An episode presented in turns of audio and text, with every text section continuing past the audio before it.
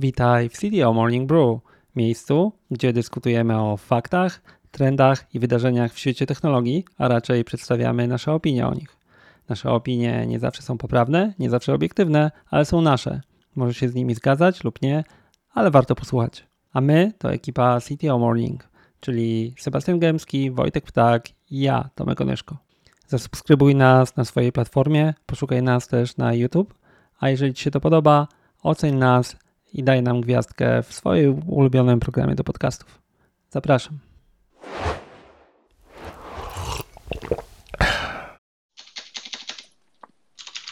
Ja mam jakiś warning low memory, jak zwykle. Tak, jak zwykle zaczynamy od problemów technicznych. Wojtek ma low memory, bo ma Maca i 64 giga to za mało. E, czyli z problemami zaczynamy kolejny CTO Morning Brew. E, Tomek Onyszko, ja tutaj robię za rozprowadzającego. Mam dwóch ludzi, którzy wiedzą, co mówią, czyli Sebastian Gębski e, i Wojtek Ptak.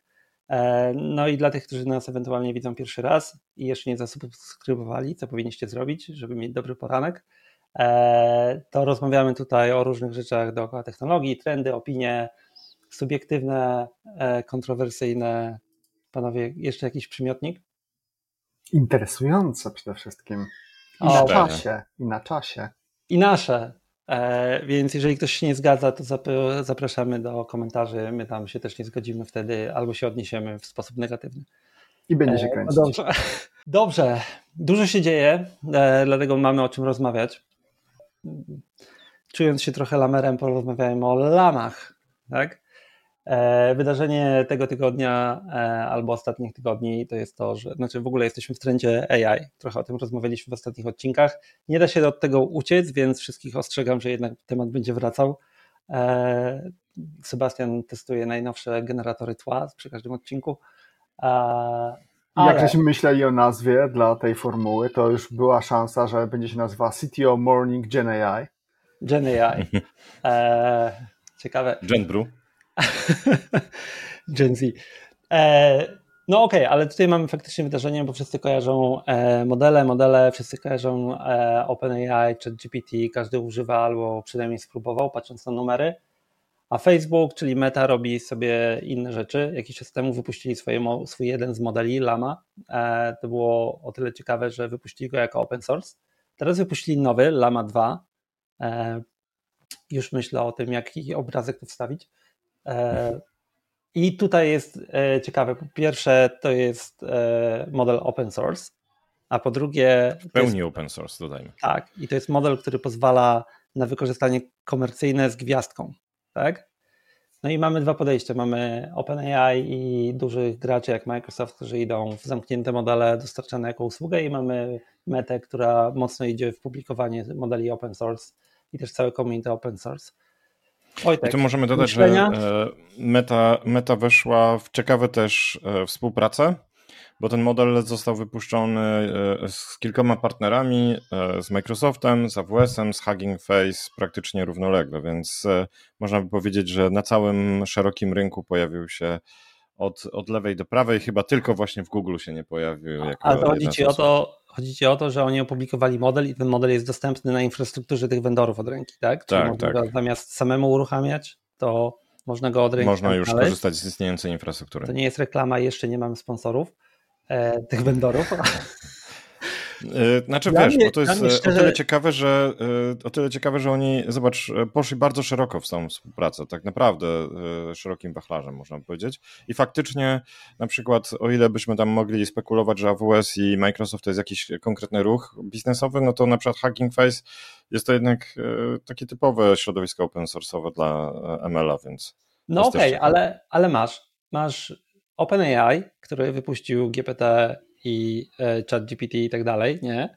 I poszedł po prostu w model płatny, nie wypuszcza tego, jest to ich po prostu e, własny model. Masz innych, którzy robią to samo, oczywiście są tworzone ten i masz dużego gracza jak Meta, który robi to open source i jeszcze mówi, chcesz to bierz komercyjnie, no właśnie, to dlaczego robią bierz i dziel, albo chcesz to bierz i konsumuj. Sebastian, widzę, masz opinię jakąś w twoim wzroku, to po prostu się jarzy. Co ja tu myślałem? Wczoraj o tym myślałem i chyba wpisałem sobie z 8 czy 10 różnych powodów, no bo to jednak mimo wszystko będzie spekulacja. Dajesz, numer jeden. Ale zanim, zanim do tych powodów, e, bo jedna mała korekta, to nie jest tak, że tylko Meta sobie wymyśliła, że będzie open source'ować duże modele. Nie, nie, nie. nie. To jest cała inicjatywa, są jakieś tam petycje, jest część ludzi, która po prostu myśli, że to jest ten kierunek, dzięki któremu ten tak zwany GenAI będzie zdrowszy. Jest Ale też dobra. część ludzi, która mówi, że to jest e, potencjalnie szkodliwe. Ja podlinkuję potem w komentarzach jakiś artykuł, pamiętam na ten temat, że w ogóle ciekawe, no? w open source z AI to jest jak wypuszczenie puszki Pandory. Jest taka duża w miarę grupa ludzi, która tak twierdzi. Ale lecisz, mhm. 8 powodów, będę liczył. Tak. Więc tak, e, po kolei. E, po pierwsze, jak coś wypuszczają, to jest duża szansa, że mają coś znacznie lepszego w zanadrzu, więc wypuszczają coś, co po prostu jest super, ale chcą sobie zrobić publicity. To jest taki pierwszy powód. E, drugi powód, który miałem wypisany, to jest taki, że oni już wiedzą, że nie w modelu jest value prop czyli chcą tak naprawdę wypuścić coś, a to value prop tak czy siak będą budować. Więc może tutaj chodzi o to, o jeszcze większą popularyzację tematu. A dlaczego popularyzować? To w kolejnym powodzie. E, być może chodzi im o to, żeby e, wypuścić modele, aby community, czyli ogólna siła brain power deweloperów na całym świecie, pomogła im rozwiązać problem, z którym oni się zmagają. Jakiś problem. Być może problem jakościowy, być może problem weryfikacji modeli. E, w każdym razie chcą wypuścić jakieś, jakieś, jakieś modele, żeby dać ludziom coś, na czym da się pracować. Co jeszcze mam? Być może chcą, aby community popchnęło do przodu coś, co nie jest budowaniem samych LLM-ów, tylko na przykład ich wzbogacanie, bo są już takie techniki jak e, techniki peftowe, na przykład LoRa i tak dalej, które nie wymagają retrenowania całego modelu. I tu tak naprawdę pojedynczy deweloperzy, którzy pracują nad open source'em, są w stanie e, kolektywnie popchnąć rozwój tego typu technik do przodu. Tu już nie potrzeba do tego jednej na przykład mety, a w jednej mecie te ilość deweloperów, którzy można nad tym pracować jest ograniczona. W community ilość tych deweloperów jest większa, więc być może chodzi też o coś e, takiego. Nie wiem, czy to jest z tych powodów, które, które powiedziałem do tej pory, czy się z nimi zgadzacie, czy macie inne opinie? Opinie to ja zawsze mam. To wszyscy wiedzą. Już. Wiesz co, tak, to są takie bardzo merytoryczne powody podałeś, nie? Ja może y, wrzucę taki trochę z boku inny i potem możemy wrócić do twojej listy, bo jeszcze zostały cztery, o ile dobrze liczyłem. No bo dla mnie to jest, y, już w tej chwili mówimy o czystej konkurencji. Znaczy jest jedna rzecz, którą należy zauważyć, nie? że wiesz, że Facebook y, czy Meta pokazało z tymi swoimi modelami Lama, że one nie muszą być duże i nie muszą być tak drogie w trenowaniu i tak dalej, nie? I to jest zmiana jakościowa versus to, co miało OpenAI i tak dalej. No ale OpenAI z e, Microsoftem i z innymi e, miał jednak e, first mover advantage. Nie? No i teraz Facebook jakby wypuścił swoją wersję ChatGPT opartą o Lama, to nie miałby tego żadnego advantage w zasadzie, oprócz tego, że ma swoich użytkowników takich prywatnych, nie? Więc ja tutaj bardziej widzę ruch na open source, to jest ruch na usunięcie bariery w adopcji, tak? I jak ja bym miał jeszcze jeden punkt tutaj rozbudowując Tomek to, co powiedziałeś, ja myślę, że to jest jeszcze jeden ruch.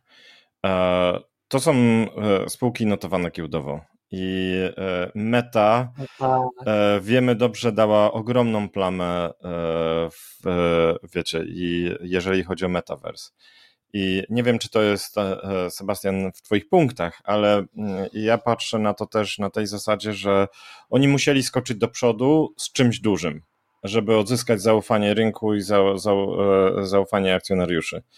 Więc e, pokazując, że są w stanie rozgrywać karty na równi, wiecie, z Googlem i z Microsoftem, pokazują, że oni ciągle są w tym szeregu, tak? Czyli ten e, przysłowiowy funk, czy manga i tak dalej, i tak dalej, tak? Czyli, że to cały czas istnieje. To jest, wiecie, e, mm, jednak akcjonariusze to jest psychologia, tak? I oni widzieli, rzucili się na Microsoft. E, e, pamiętacie, że Google miał tą straszną prezentację, gdzie minus 6% po prezentacji poleciało. E, I teraz musimy zrobić show, żeby, wiecie, troszeczkę przymknąć drzwi metaversu i pokazać, słuchajcie, my cały czas jesteśmy w pierwszej trójce zanim dopuszczę Sebastiana, to niestety, ale mój mózg działa w ten sposób. Po prostu już zobaczyłem Zuckerberga ogłaszającego zmianę nazwy na Meta AI. Nie, że... No, brzmi chyba lepiej. E, AI verse. Znaczy tak, tego, tego powodu nie miałem na liście. A się w sumie z tym zgadzam. Ja bym go nawet tak cynicznie trochę określił, że to tak w sumie niby open source'ują, ale chcą w tym open source'owaniu być na czele, żeby, żeby to open source'owanie było trochę po ich myśli. Ale dobra, to może ja jestem zbyt cyniczny. Okej, okay, to wracając do tych jeszcze rzeczy, które mam na liście, chyba te będą trochę ciekawsze. Pamiętacie, jak to było z tym chatbotem Microsoftu chyba ze dwa lata temu, co mhm. wypuścili go i on zaczął bluzgać, albo go wychowali na faszystę, czy coś takiego. Tak. No właśnie, więc w tym momencie e, trochę te LLM-y są takimi blackboxami i my tak naprawdę korzystając z tego też średnio wiemy, co, czym to było e, trenowane i tak dalej, i tak dalej. Więc wydaje mi się, że idąc w kierunku open source'owania, to trochę też jest tak, że budują pewnego rodzaju transparencję i potem powiedzą, no przecież my żeśmy jakby wypuścili, daliśmy wszystkim do testowania, jakby nawet będzie jakiś fuck up, to może jest większa szansa, że się to bardziej, bardziej rozejdzie po kościach. Więc to też jest dla mnie jakiś powód. W ogóle też powód dla legislatorów. Czyli to nie jest tak, że Big Tech zawłaszcza sobie dzięki powiedzmy dostęp, większej dostępności do hardware'u, e, Big Tech e, zawłaszcza sobie dostęp do LLM-ów. Nie, Big Tech open source'uje, tak żeby wszyscy mieli równiejsze szanse. Więc być może w ten sposób trochę proaktywnie pozbywają się oporów ze strony no, legislacyjnej po prostu. A trochę wcześniej powiedziałem o tym value proposition, czyli że mm, na chwilę obecną nie ma tego mołta, czyli że każdy łatwiej może wejść, no więc w związku z tym, dlaczego e, właśnie tak czy siak nie, nie wyopen tych modeli, to też jest jakiś tam pomysł. E, i na koniec końców mój ostatni pomysł, który miałem, to jest taki, że może oni rzeczywiście się trochę boją, że otworzyli puszkę Pandory i chcą, żeby dużo innych mądrych ludzi też na to spojrzało, a żeby była większa szansa, że, że jednak zorientujemy się w momencie, kiedy to zacznie się robić niebezpieczne. Mm, ja myślę, że tutaj bym się do tego odniósł bezpośrednio, co mówisz i e, jest na pewno w tym dużo racji i to jest ciekawe, bo to idzie w kontrze do OpenAI, które jest tak naprawdę closed AI, tak? czyli garstka pewnie osób z Microsoftu ewentualnie ma dostęp do tego, co oni robią ze względu na oczywiście partnerstwo Microsoftu i OpenAI. E, ponieważ tak naprawdę e, sam Altman sam cały czas podkreśla, że oni gradacyjnie wypuszczają kolejne wersje po to, żeby kontrolować, jaki impact społeczno-gospodarczy mają te modele. A meta trochę idzie, wiecie, tak e, po całości to my nie będziemy kontrolować jego wypuszczania, tylko wypuszczamy e, to, co uważamy, że jest fajne, gotowe, bierzcie i zobaczcie, co z tego jest. No dobrze, e, to ja wejdę ze swoim trochę punktem widzenia tutaj, to znaczy trochę już go powiedziałem, ale bo te, te, te, powody, które Sebastian dałeś, to one są dobre, tak? To znaczy w szczególności ten ostatni jest dobry, taki znaczy ciekawy, bo to wiesz, wchodzimy w kwestię altruistycznych pobudek dużego big tech, nie? Albo odpowiedzialności społecznej. Okej, okay, pewnie ona istnieje, ja nie mówię, że nie. Ale e, wiesz co, trochę to, co mówiłem z tym First Mover Advantage, bo dla mnie oprócz samego open source, to interesujący jest ten punkt, że oni pozwolili, bo pierwsza lama nie była komercyjna, nie? Ta jest komercyjna z gwiazdką. Nie, nie wiem, czy tam zwróciliście uwagę, że tam jest gwiazdka, która. Pierwsza mówi... była tylko do, e, dla naukowców. Tak, a, ta, a tu jest gwiazdka, która mówi, e, że e, do określonej ilości e, muła, monthly active users, nie? czyli jeżeli jesteś dużą, jeżeli jesteś Twitterem, to nie możesz, albo inaczej, musisz się ich spytać, nie? ale jak jesteś małą aplikacją, cokolwiek, to możesz, nie? I to jest trochę differentiator pomiędzy OpenAI a e, e, Facebook w tej chwili Meta, nie? No bo patrz, jak masz OpenAI, to masz OpenAI API, możesz się zintegrować i tak dalej, nie? A ty literalnie masz model, który możesz, i to jest następna taka rzecz, która się dzieje, wsadzić w swoją aplikację, nie? Bo to jest model, który działa de facto, jak nawet wam tam podsyłałem wczoraj chyba, na MacBooku możesz go ściągnąć, odpalić, wytrenować pod swoje potrzeby i tak dalej, nie? Więc według mnie Facebook tutaj idzie trochę w stronę tego, żeby być, to jest ich differentiator. Wypuszczamy model, który każdy może obsadzić w swojej aplikacji, może Microsoft będzie miał najlepszy czat, e, Office 365, wiesz, Copilot, cokolwiek, nie? Ale nasz model będzie siedział w tych wszystkich aplikacjach lokalnych. Z jednej rzeczy się może trochę wytłumaczę, bo powiedziałeś, że to altruistyczne pobudki big techów i tak dalej. Wcale nie uważam, że one są altruistyczne. Ja po prostu uważam, że oni przewidują shitstorm. Zwróćcie mhm. uwagę na dwie małe rzeczy. Pierwsza mała rzecz to jest ten strajki, które się dzieją w Hollywood. Czy najpierw zaczęło się od scenarzystów, teraz dołączyli do tego aktorzy. To się rozkręca i to będzie miało wpływ. To będzie miało wpływ na. Wojna za jaj. Na duże, poważne e, biznesy. To jest jedna rzecz. A druga rzecz to też widać u nas w CI. A jakiś czas temu e, Brainly miało swoje ogłoszenie, e, chyba w tym tygodniu Preply miało swoje ogłoszenie. E, to są generalnie startupy, które działają w tak zwanym gig economy. Łączą ludzi, którzy chcą coś robić z tymi, którzy mają potrzebę na tą usługę. I do tej pory idea była taka, że właśnie chodziło o usługi, które wymagają jakiejś tam wiedzy i intelektualnej sprawności w jakimś temacie. Preply to akurat języki, a Brainly to tam, nie wiem, rozwiązywanie prac domowych, jakaś wspólna nauka. I okazuje się, no tutaj jakby ewidentnie value proposition polega właśnie na łączeniu tych ludzi, tych, co mają skilla i tych, co potrzebują skilla. I teraz co się okazało? Obie firmy ogłosiły, że zaczynają wprowadzać AI do swojej usługi. Co to oznacza w praktyce? No chyba trochę zabijają ludzi. swojego value propa. Znaczy nie to, że zabijają, tylko podmieniają swojego value propa. A więc jak widać, te fundamentalne zmiany się dzieją i to będzie, miało, to będzie miało bardzo dramatyczny wpływ e, na dużo osób. Więc wydaje mi się, że to nie jest do końca tak, że altruistycznie te big techy działają, tylko już przewidują shitstorm.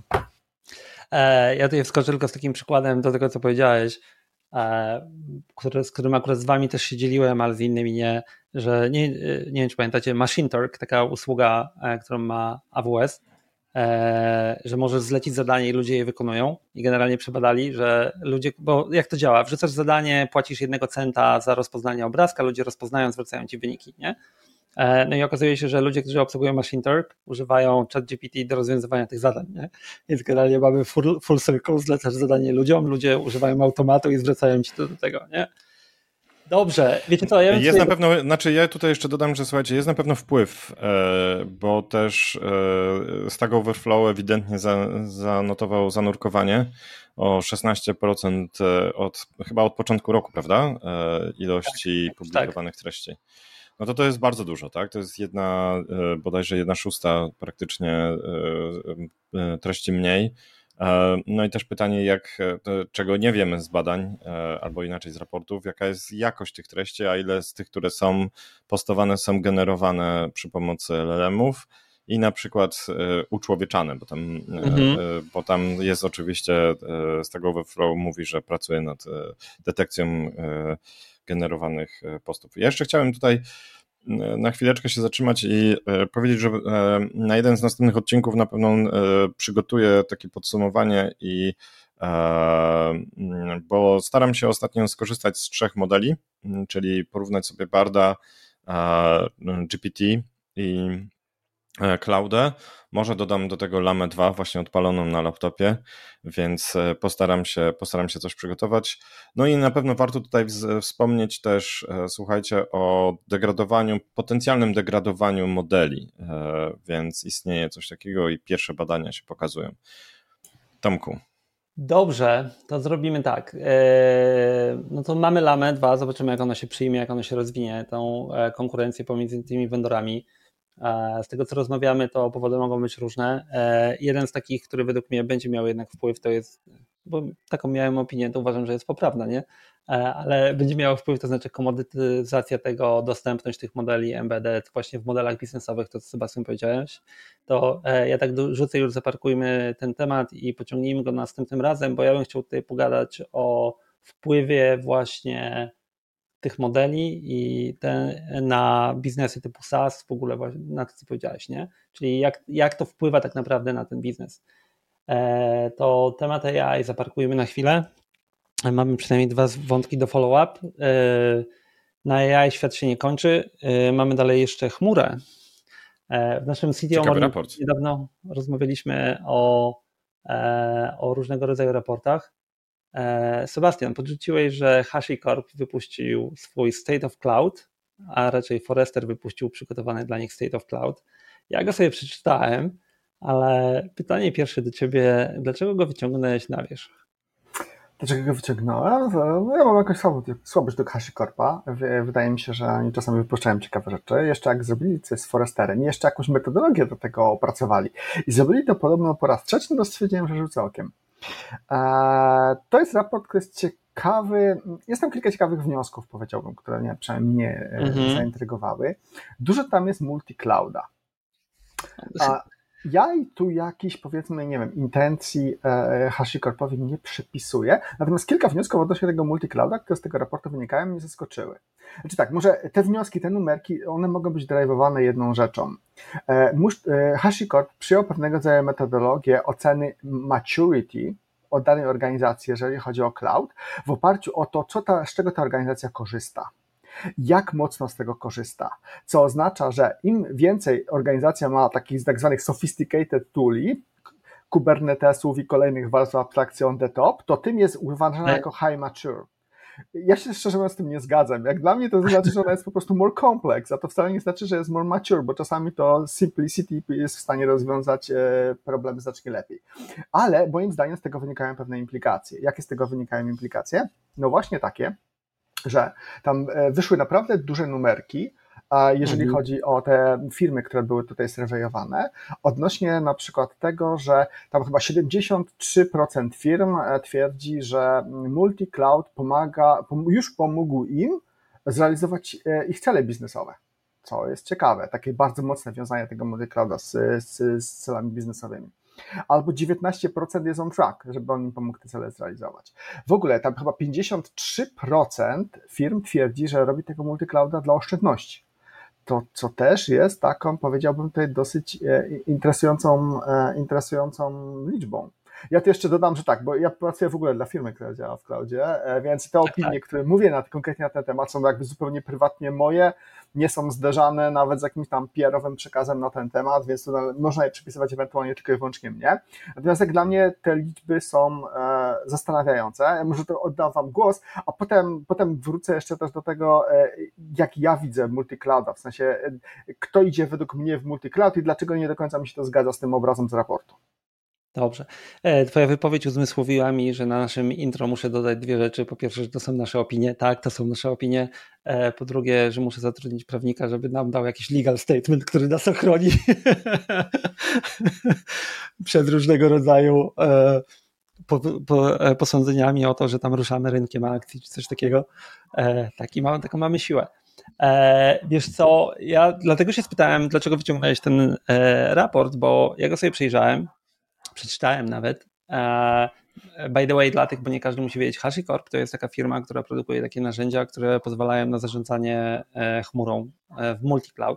I one mają sens wtedy, jak masz multi-cloud, bo jak masz jedną chmurę, to naprawdę nie mają sensu. To znaczy, ja wiem, że się ich używa, nie, ale wiesz, znaczy mają, ale masz wtedy stack natywny i stack natywny przeważnie do jednej chmury pasuje lepiej, nie? Ale okej. Okay. Wiesz co, ja tak przeczytałem ten raport i miałem tylko jedną rzecz, że w szczególności jak doszedłem do wniosków na końcu, nie? I że tak pomyślałem, na mnie czasami mówią Mr. Obvious, ale ten raport jest, wiesz, wnioski są Mr. Obvious. E, multi-cloud, musisz dobrze zarządzać, e, zająć się nauką ludzi i w ogóle przygotować się na to, nie? No to spoko, to tyle to wiedziałem przed przeczytaniem tego raportu, nie? E, te rzeczy, które powiedziałeś, no oczywiście ten raport podlinkujemy, nie? Mnie tam zdziwiło to, że znaczy kost jestem w stanie jeszcze zrozumieć, nie? Dlaczego? Bo znam sytuację, w której firma bierze sobie, wiesz, dwóch vendorów albo trzech, nie? I używa, krótko mówiąc, tego do negocjacji ceny i mówi, tak, to my w tym roku 70% workloadów przeniesiemy do tego vendora, nie? I literalnie tak firmy robią, nie? Że wiesz, tak samo nawet spotkałem się z firmą, która robi to na poziomie e, Workplace, nie? Czyli wiesz, mają dwie platformy Workplace, e, typu Office, coś tam, nie? I mówią, nie no spoko, jak nie dacie upustu, to suwak pójdzie tam, nie? Tak samo, wiesz, spotkałem się z tym, że firmy patrzą na to dokładnie pod tytułem, ok, to ta platforma jest tańsza pod przetwarzanie danych, a ta ma lepszą wizualizację, to tu przetwarzamy, tu przerzucamy, tutaj mamy tańsze wizualizacje. Takie, takie kombinacje już widziałem, nie? Tylko multi-cloud jest skomplikowany. Ja niestety popełniłem, znaczy niestety, stety, popełniłem artykuł na blogu e, firmy, ale prywatnie też się pod nim podpisałem, że, że multi-cloud jest po prostu skomplikowany, nie? Więc jeżeli widzę taki procent adopcji, który oni tam podają, puk puk, nie? To się zastanawiam, what the heck? To znaczy, że albo te firmy używają takich rzeczy jak maszyn wirtualnych, tego typu rzeczy, albo Kubernetes, deployują je w różnych miejscach i po prostu mówią, że mają multi-cloud, nie? No bo to porozmawiajmy sobie, co to jest multi-cloud, nie? Jak mam maszyny w dwóch różnych chmurach, czy jestem multi-cloud, nie? Bo tak rozdefiniowałem. Według tego raportu już tak. Tak. Więc to, to było dla mnie takie, ok, to dokładamy complexity, to znaczy, że nasze maturity operations to chyba musi iść through the roof, żebyśmy jeszcze na tym mniej wydawali i oszczędzali, nie? A druga rzecz, która mnie naprawdę zdziwiła w tym, to jest i tutaj wyraźcie swoje opinie, że multi-cloud poprawia security i to powiem szczerze trochę mnie tak, a, ale jak?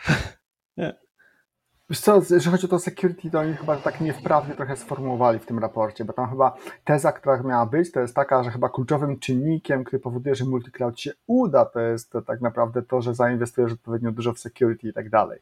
Czyli to mm -hmm. może mhm. być taki ewentualnie disruptor tego w ogóle przejścia w multi-cloud. Ale to oni tak, tak niewprawnie sfrazowali.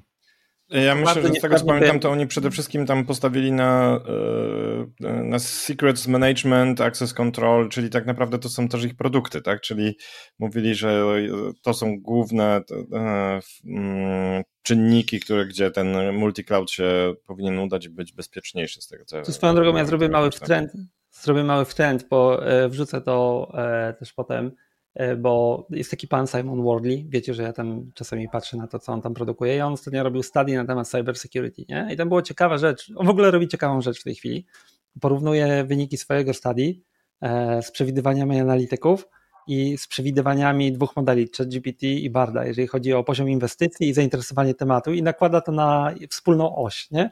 Jest, wiesz, więc ma takie coś typu, na co patrzy jego grupa kontrolna, na co patrzą analitycy, co modele AI mówią, że ludzie piszą. Nie? Mm. I na przykład te rzeczy, które e, są w tym, to co powiedziałeś przed chwilą Wojtek, to one są na najniższym poziomie w tej chwili, jeżeli chodzi o e, tak jakby poziom zainteresowania grupy kontrolnej, czyli ludzi, którzy faktycznie to robią. Nie? To trochę wygląda tak, jakby oni już doszli do wniosku, to już ogarnęliśmy. Z czym ja się osobiście nie zgadzam, ale okej, okay, nie? No to yy, Sebastian, to może ciebie pociągnę. To jeżeli multi-cloud to jaki, albo w ogóle dlaczego e, według ciebie ten raport ma sens i e, firmy w to idą, nie? Mhm. Jak dla mnie, jeżeli chodzi o multi-cloud, to osobiście z tych obserwacji, które mam, on ma wtedy sens, jeżeli twój biznes cię do niego trochę zmusza. Czyli na przykład masz jakiegoś SASa, ale ten SAS jest B2B i masz klientów, którzy są duzi i oni są już w chmurze obecni i tak naprawdę ty potrzebujesz spinać swoje rozwiązanie z ich rozwiązaniami i po prostu potrzebujesz, żeby twoje rozwiązanie było na przykład deployowane w ich chmurach to wtedy z definicji twój cloud posture jest definiowany tym, czego chcą twoi klienci. A więc to jest taki pierwszy przykład. Drugi przykład. Mówisz, mówisz że takim SaaS, który ma wersję, którą deployujesz faktycznie dla klienta w jego tak, środowisku. Tak, tak, tak. Gdzieś na przykład jakieś biznesy ściśle regulowane, jakieś rozwiązania bezpieczeństwa, jakieś antyfraudy, okay. tego typu rzeczy. No, przyjmuję, bo nawet kojarzę po prostu przykłady banków, e, właśnie tych takich white label software'u do banków, nie? I one generalnie mają deployment na każdą chmurę, bo tak wymaga mhm. rynek. Drugi case to jest taki case, w którym mamy bardzo drakońskie wymagania, jeżeli chodzi o albo high availability, albo minimalizację latency. Minimalizację tam, czyli po prostu potrzebujemy tak naprawdę wykorzystać globalną infrastrukturę nie jednego cloud providera, tylko wszystkich. Mhm. Mało jest takich case'ów, ale też są takie SLA. Oczywiście. Jeszcze dodajmy, że jeszcze pewnie ważne jest SLA, czyli że nie tak. może się zdarzyć, że jakiś data center im poleci. Tak, czy to wysokie high availability, dokładnie tak, dokładnie tak. Czyli tutaj potrzebujemy mieć na przykład e, te, ta firma potrzebuje mieć operacyjną zdolność do tego, żeby mieć jakieś tam hot resources do zbudowania gdziekolwiek w dowolnej praktycznie regionie dowolnego cloud providera i tak dalej. Znowu, takich case'ów tak naprawdę nie jest, nie ma, nie ma dużo. No i wreszcie, e, trzeci taki poważny case, który ja widzę, to jest taki, że firma z jakiegoś powodu e, bardzo obawia się tego, że cloud provider się nią zainteresuje i potrzebuje być 100% cloud provider agnostic czyli potrzebuje jechać na jakichś open stackach, nie wiem, Kubernetes jest ich platformą i tak dalej, takie z różnych powodów, z powodów jakichś konkurencyjnych, e, biznesowych, e, i w tej sytuacji wtedy ona nie zaczyna od tego, że jest multi-cloud, tylko ten multi-cloud czasami jest konsekwencją. Czyli skoro my już jesteśmy 100% e, cloud provider agnostic i zainwestowaliśmy w to ponosimy koszty tego, to możemy teraz optymalizować właśnie szaflując się pomiędzy różnymi cloud providerami.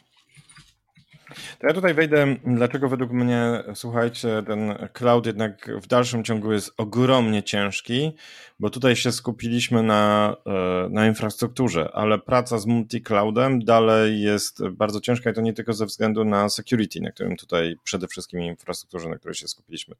Ja bym powiedział z doświadczenia, że debugowanie systemów które są rozproszone po kilku cloud providerach, jest niesamowicie ciężkie. Wymaga z reguły dodatkowego toolingu. E, najprostsza rzecz. Wyobraźcie sobie, co to znaczy, e, wiecie, debugować system na produkcji, tak? Głównie mieć dobre narzędzia do logów, do analizy logów. I teraz musimy e, zrobić gdzieś jedno miejsce, które e, wrzuci te wszystkie logi w jedno miejsce i pozwoli nam zdebugować. No, chyba, że są scenariusze, tak jak Sebastian powiedziałeś, że faktycznie mamy deployment per klient i chcemy mieć to oddzielone, ale jeżeli mamy tą firmę, która na przykład chce mieć zasoby na całym świecie, to bym powiedział, że z mojego punktu widzenia cięższe od security jest tak naprawdę później utrzymanie tego w, mm -hmm. w ruchu cały czas. No właśnie, bo ja mam w głowie taki case e, takiej firmy, którą możecie kojarzyć, nazywa się OutZero, teraz chyba Okta już po przejęciu, nie? I e, oni nawet opisali to, bo oni budują, co robi OutZero, a teraz Okta, a buduje soft do e, tożsamości, nie? Czyli robią prowajdera tożsamości po to, żebyś integrował sobie zarządzanie. Access management. Tak, access management i tak dalej jako SaaS. E, I oni budowali to na multi-cloud, czyli mieli tak, że ich soft był zbudowany w taki sposób, że działał równocześnie na e, jednym prowajderze na A, czyli AWS i drugim prowajderze na A, czyli na Azure. Nie? No i w końcu po iluś tam iteracjach e, oni zmerdżowali to i poszli tylko już w jedną i wybrali akurat AWS. Nie? I jaki był ich powód? Był powód taki i dla mnie to jest największy problem, w szczególności jak idziesz to, co ty Wojtek powiedziałeś, nie? czyli wychodzisz poza czystą infrę, bo krótko mówiąc oni ruszali się w tempie, które było dyktowane najniższym wspólnym denominatorem obu chmur i ich e, możliwością abstrakcji tych denominatorów. Nie? Czyli jeżeli e, AWS miał taki feature w DNS-ie, a Azure go nie miał, nie? to generalnie używali tego, żeby na, działało na dwóch. Nie? No i doszli do wniosku, że krótko mówiąc ich to spowalnia i okej, okay, klienci mówią wszystko ten, ale przechodzimy na jednego. Nie? Więc dla mnie e, zawsze multi-cloud to e, jest pytanie, dlaczego? Co z tego będziesz miał i właśnie jak obchodzisz te rzeczy? Bo to, co Sebastian powiedziałeś, to jest prawda. Nie? Jeżeli ktoś chce być niezależny od vendora, mieć możliwość wyjścia też i tak dalej, nie? no to pójdzie we własną infrę, ale jak budujesz własną infrę, w szczególności jakieś Kubernetes i tego typu rzeczy, nie? no to generalnie to jest, jednak ruszasz się wolniej. Nie? Więc dla mnie naj, naj, największe zdziwienie faktycznie z tego było, ale to też może być jaka wygląda grupa kontrolna. To był ten procent firm, które mówiły, że są multi-cloud, nie? Trochę może brakuje tam definicji multi-cloud, bo to jest naprawdę wysoka rzecz, nie? To ja może właśnie... Tak... No, może ja tylko szybciutko powiem, że tego nie było powiedziane w demografii, jaki profil firm, jeżeli chodzi o właśnie badanie, czy oni to rozproszyli sobie jakoś, bo tam mamy tylko wielkości firm, mamy, mamy powiedzmy e, regiony, z których te firmy pochodzą, rodzaje industries, natomiast nie ma faktycznie jakiejś dodatkowej specyfikacji. nie jest szansa, że wylosowali własnych klientów na własne narzędzia, e, którzy faktycznie korzystają z multi-clouda. Wylosowali. Może tak, wbiję swoje, bo zapytałeś wcześniej Tomek odnośnie tego, jakie są moje jakby mm -hmm. wnioski z tego, z tego raportu. Więc e, pierwszy wniosek to jest w sumie, zgodzę się tutaj z Tobą, że w ogóle bez sensu zużywanie e, takiego terminu jak multi-cloud, bo multi-cloud znaczy bardzo wiele różnych rzeczy. Czyli co, jeżeli na przykład mamy wszystko na Azure, tylko akurat stwierdziliśmy, że CDN na to jednak chcemy z AWS-a z jakiegoś powodu, to co to jest multi-cloud? No podejrzewam, że tak, według tej definicji tutaj, a to jest bez sensu. Inny przykład e, takiego dra drastycznie innego scenariusza to jest tak zwany best of breed, nie? czyli na przykład jedziemy wszystko od danego cloud providera, ale strasznie nam się podoba jakaś hostowana baza danych, nie wiem, jakiś kurczę CockroachDB czy cośkolwiek innego. Często data właśnie, nie? Mamy dane w AWS-ie, a na przykład Power BI z Microsoftu. Tak, tak. I to też jeszcze tutaj ta, ta, ta, ta powiedzmy w, w języczek uwagi, on się różnie może przesuwać mm. w różnych kierunkach. No i znowu, teraz trzeci scenariusz to jest taki scenariusz, gdzie rzeczywiście ci nasi cloud vendorzy są replaceowalni. Czyli na przykład uruchamiamy kontenery i chcemy je uruchamiać w ten sam sposób w trzech różnych miejscach. To jest znowu inny flavor multi-cloud. Także uważam, że e, e, ja to nazywam cloud posture i brałem udział w definiowaniu kilku różnych e, strategii cloudowych, więc jak dla mnie używanie tego jednego terminu jest po prostu mylące i czasami szkodliwe. I drugi wniosek jest taki, że tam się też przewija, akurat o tym żeśmy mało dzisiaj powiedzieli, mało się też przewija, że mimo tego, że klimat ogólnie ekonomiczny jest taki, jaki jest, wszyscy tną koszty i głównie też tną koszty cloudowe, one były w pierwszej kategorii docięcia, to nagle się okazało, że prawie, prawie no może nie prawie wszystkich, ale u większości te koszty jednak poszły w górę i tam chyba 94% firm dalej twierdzi, że jeszcze te koszty cloudowe może, może jak najbardziej obciąć, bo są do obcięcia. To też mimo wszystko było pewnego rodzaju zaskoczenie. Moja praktyka mówi, że są do obcięcia. E, koszty poszły w górę też swoją drogą, to tak wy możecie nie wiedzieć, nie wiem jak jest w innych chmurach, ale na przykład Microsoft podniósł po prostu ceny, tak? E, I niektórzy doszli do wniosku, że będą płacić, a niektórzy doszli do wniosku, że budżet mają e, taki, jaki mają i na przykład obetną te 10%. I Microsoft podniósł ceny w Europie, nie? więc to też zależy, nie wiem, jak inni vendorzy nie sprawdzałem. No dobrze, to y, taki jest stan chmury, to trochę y, zmienię temat, ale w pobliżu dalej, tak, bo e, mamy vendorów chmury takich jak tam e, tych, co wymieniliśmy na AA i A. Ja zawsze mówię, że trzech głównych vendorów jest na A i wtedy wszyscy, ale gdzie jest Google? No tam, gdzie jest, nie? E, przepraszam wszystkich z Google'a za wtręt, udało się. Ale mamy też takich vendorów, którzy powiedzmy, no nie, nie mówmy starych, ale na przykład jest IBM, tak? I o IBM chciałem Was zahaczyć e, nie w kontekście chmury, e, ale taki ruch się wydarzył, który ja tam gdzieś zaobserwowałem. IBM ma, przejął taką firmę Red Hat jakiś czas temu. Tak? E, Red Hat co robi? Linuxy. Linuxy. Też robi OpenShift, ale to się wiąże według mnie z tym, nie? Ale no i Red Hat to był flagowy Enterprise Linux open source i tak dalej. Tam się kilka dystro zbudowało na tym. I co zrobił IBM? Zakręcił kurek z kodem. Tak? Czyli powiedział, mamy dość utrzymywania e, kodu, na którym inni robią biznesy, e, zmieniamy politykę, no i e, no właśnie. I skąd taki ruch i wasza opinia na ten temat, jeżeli macie? I ostatnie marzenia na temat wiecie, pięknego open source'u powolutku. Może nie ostatnie, ale odpływają po kolei w siną dal. Wiesz co, to tutaj zanim jeszcze wejdziemy w opinię, bo wiesz, jest open source, open source jest enterprise, nie? Bo teraz ustalmy sobie, na czym Red Hat zbudował biznes. Red Hat zbudował biznes na tym, że wszyscy kochają open source, ale w firmach enterprise musisz mieć dobry support, utrzymanie, e, warranty, deployment, zarządzanie i tak dalej, nie? I to jest ich biznes tak naprawdę, nie? Właśnie ja to wczoraj się trochę doktoryzowałem z tego, co się tam wydarzyło, bo to się zaczęło od małej dramy, która wyszła od ludzi z Oracle'a, którzy napisali taką odezwę, że oni mają swojego Oracle Linux i, i trochę skrytykowali, odnieśli się do tego ogłoszenia mm, IBM-owego czy też Red Hatowego. I powiem szczerze, że no, ja mam takie trochę mixed feelings odnośnie tego. Bo co się tam wydarzyło? To, co się wydarzyło, to właśnie, tak powiedział Tomek, zamknęli dostęp do kodów źródłowych. I dlaczego? Argumentowali to tym, że no muszą z czegoś płacić tym deweloperom, którzy tworzą dodatkowy software, dodatkowe pakiety, dodatkowe elementy, za które płacą te osoby, które licencjonują, to znaczy te firmy, które licencjonują RELA, czyli Red Hat Enterprise Linux.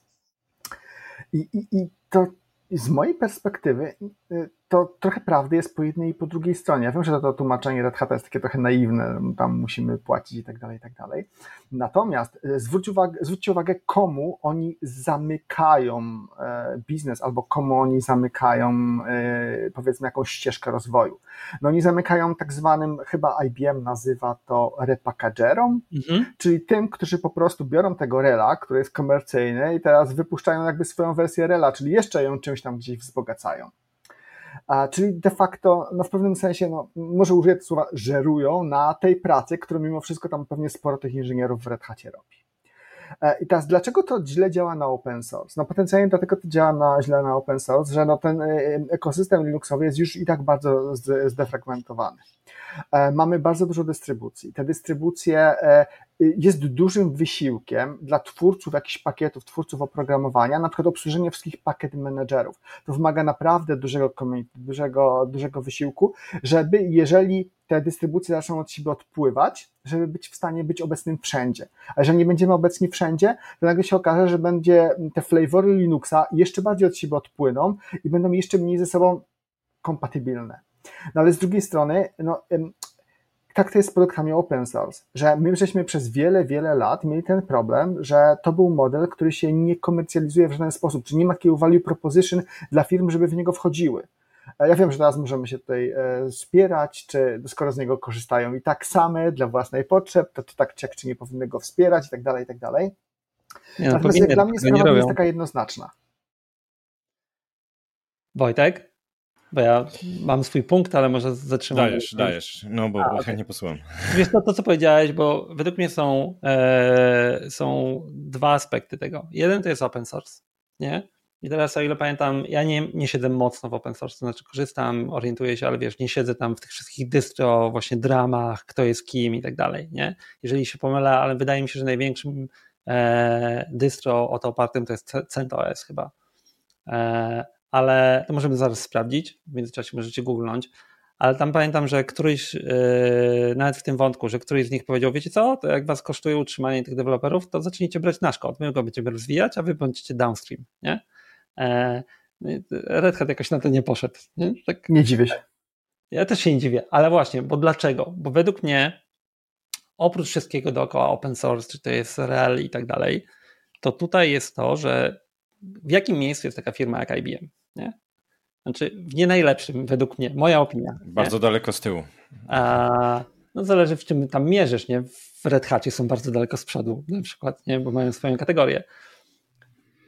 I ja widzę ten ruch jako kolejny ruch właśnie, znaczy według mnie IBM tylko dlatego przejął Red Hata, nie? E, w którymś momencie, bo według mnie to, co robi IBM w tej chwili, to taki trochę szerszy e, pogląd mój, może być zły, to cementuje sobie rynek nie? bo IBM-owi nie poszło z chmurą, nie mają value proposition na chmurze, tak? E, weszli za szybko w AI, na Watsonie wywalili się kompletnie, teraz robią restart z tego, co widziałem gdzieś tam Watson AI, nie? E, I generalnie te ruchy dookoła tego to jest cementowanie rynku, który istnieje i on jest duży, nie? To jest duży rynek, REL, e, on-premises, data center i tak dalej. I to, co oni robią tymi ruchami, to jest to, że tak naprawdę zacementują sobie klientów na 20 lat do przodu. Nie? Bo jak ktoś w tym siedzi, to naprawdę wyjście z tego to będzie 20 lat do przodu, jeszcze jak pójdzie w OpenShift, tego typu rzeczy, zdeployuje to wszystko u siebie, nie? I, ja, ja patrzę tak na ten ruch bardziej, nie? że to jest kolejny krok, który ja obserwuję, gdzie oni cementują rynek enterprise, tych klientów, którzy nie idą w chmurę albo z jakiegoś powodu ich trzymają u siebie, że nie będzie alternatywy za bardzo, bo to dusi alternatywy tak naprawdę. Nie? Ja mogę powiedzieć, że e, tutaj bardzo się z tą zgadzam i tu wychodzi po prostu charakter firmy IBM i on od, od okay, odkąd pamiętam jest nie... Więc... Jest, słuchaj, taki niezmieniony, tak? I tutaj też możemy dać liczby do tego, co, co powiedziałeś, czyli ten cloud, który oni bardzo mocno cisnęli i wy, powiedzmy wprost, IBM miał doświadczenie w budowaniu data center.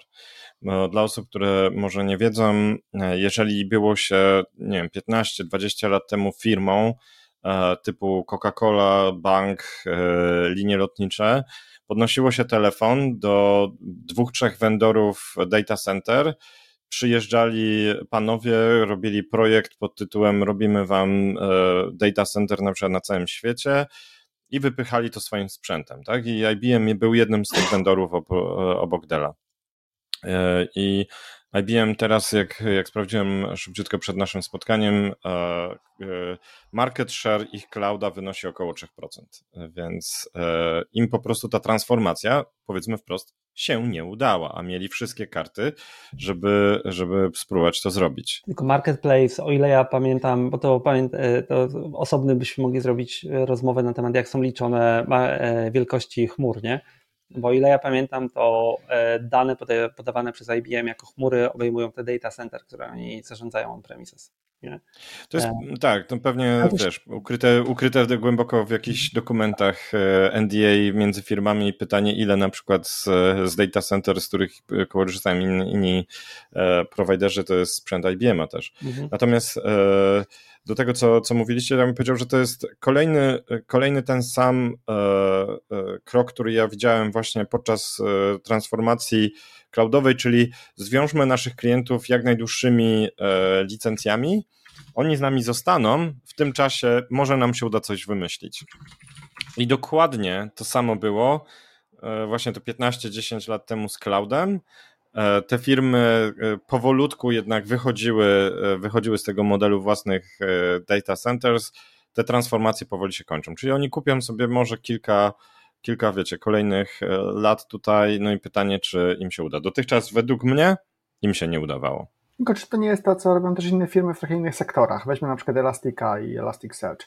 No, e, Elastic jest produktem open source'owym, a natomiast firma Elasticsearch ma swój pomysł na value proposition. Chce dodać na przykład narzędzia, które pomogą firmom w łatwiejszym utrzymywaniu tego, czy być może w jakiejś lepszej wizualizacji i tak dalej. Więc czy to źle, że IBM ma swój pomysł, czy tam Red Hat ma swój pomysł na to, żeby dodać ten value prop, który jest value propem konkretnie dla jakiegoś segmentu firmy, na przykład dla dużych enterprise'ów. No i teraz oni nad tym pracują, e, dodają nowe pakiety, czy chcą, chcieliby je open source'ować, czy chcieliby, żeby ktoś inny je repackage'ował i pod innym brandem je to wypuścił.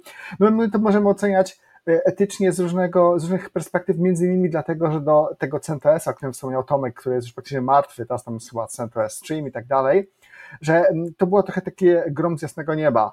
CentOS przez długi czas był jakąś alternatywą do Rela, został ubity, natomiast teraz znowu pojawiło się kilka nowych, powiedziałbym, klonów CentOS-a tam jest jakiś Euro Linux, Alma Linux, jeszcze jakiś tak. trzeci, którego nie kojarzę. Ale fragmentacja, wiesz, dokładnie, fragmentacja na pewno według, ja stoję na stanowisku, że nie pomaga i Elasticsearchowi też to czkawką się w pewnym momencie według mnie odbije ten, ten krok, który zrobili. Dobrze, wiecie co, ja te, chyba, chyba najbardziej, e, największą alternatywą tak swoją drogą dla tego całego modelu w tej chwili jest Ubuntu, znaczy chodzi mi o alternatywą dla Rela, nie? E, to może ja zawinę ten temat, bo on jest szeroki. Ja też podejrzewam, że ludzie, którzy siedzą bardziej w e, open source, wytkną nam masę błędów i e, w ogóle w myśleniu, ale jak ja bym miał i nasza opinia, to mogę ją użyć albo moja. Bottom line jest chyba taki, że to, to Sebastian powiedziałeś na początku, nie? że komercyjne modele open source mają problem, dalej się nie wydarzyły. Nie? I, I prędzej czy później bo teraz na poziomie małych projektów to działa, większych projektów czasami działa, ale jak coś wchodzi na poziom enterprise, używania szerokiego i tak dalej, to jednak to polega na tych komercyjnych vendorach dostarczających jakiś pakiet i value prop, nie? Z różnych powodów. Więc, Jeszcze jest jeden e, aspekt tutaj no? bardzo ważny, to może ja go dodam, że mm, to o czym zapominamy, nazywamy firmę, e, że buduje open source'owy produkt e, i go open source'uje, ale ta firma została zasidowana i ma inwestorów i ci inwestorzy, e, e, wiecie, chcą zobaczyć ROI. Dobrze. Eee, technologia, Sebastian, e, Evil Empire, Stomek, e, inwestorzy, Wojtek. To była nasza cotygodniowa porcja opinii, albo co, co dwutygodniowa opinii dookoła tego, co się dzieje. Panowie, e, z mojej strony e, fajna rozmowa. Podsumowujemy sobie ją gdzieś tam, też wrzucę jakieś główne punkty.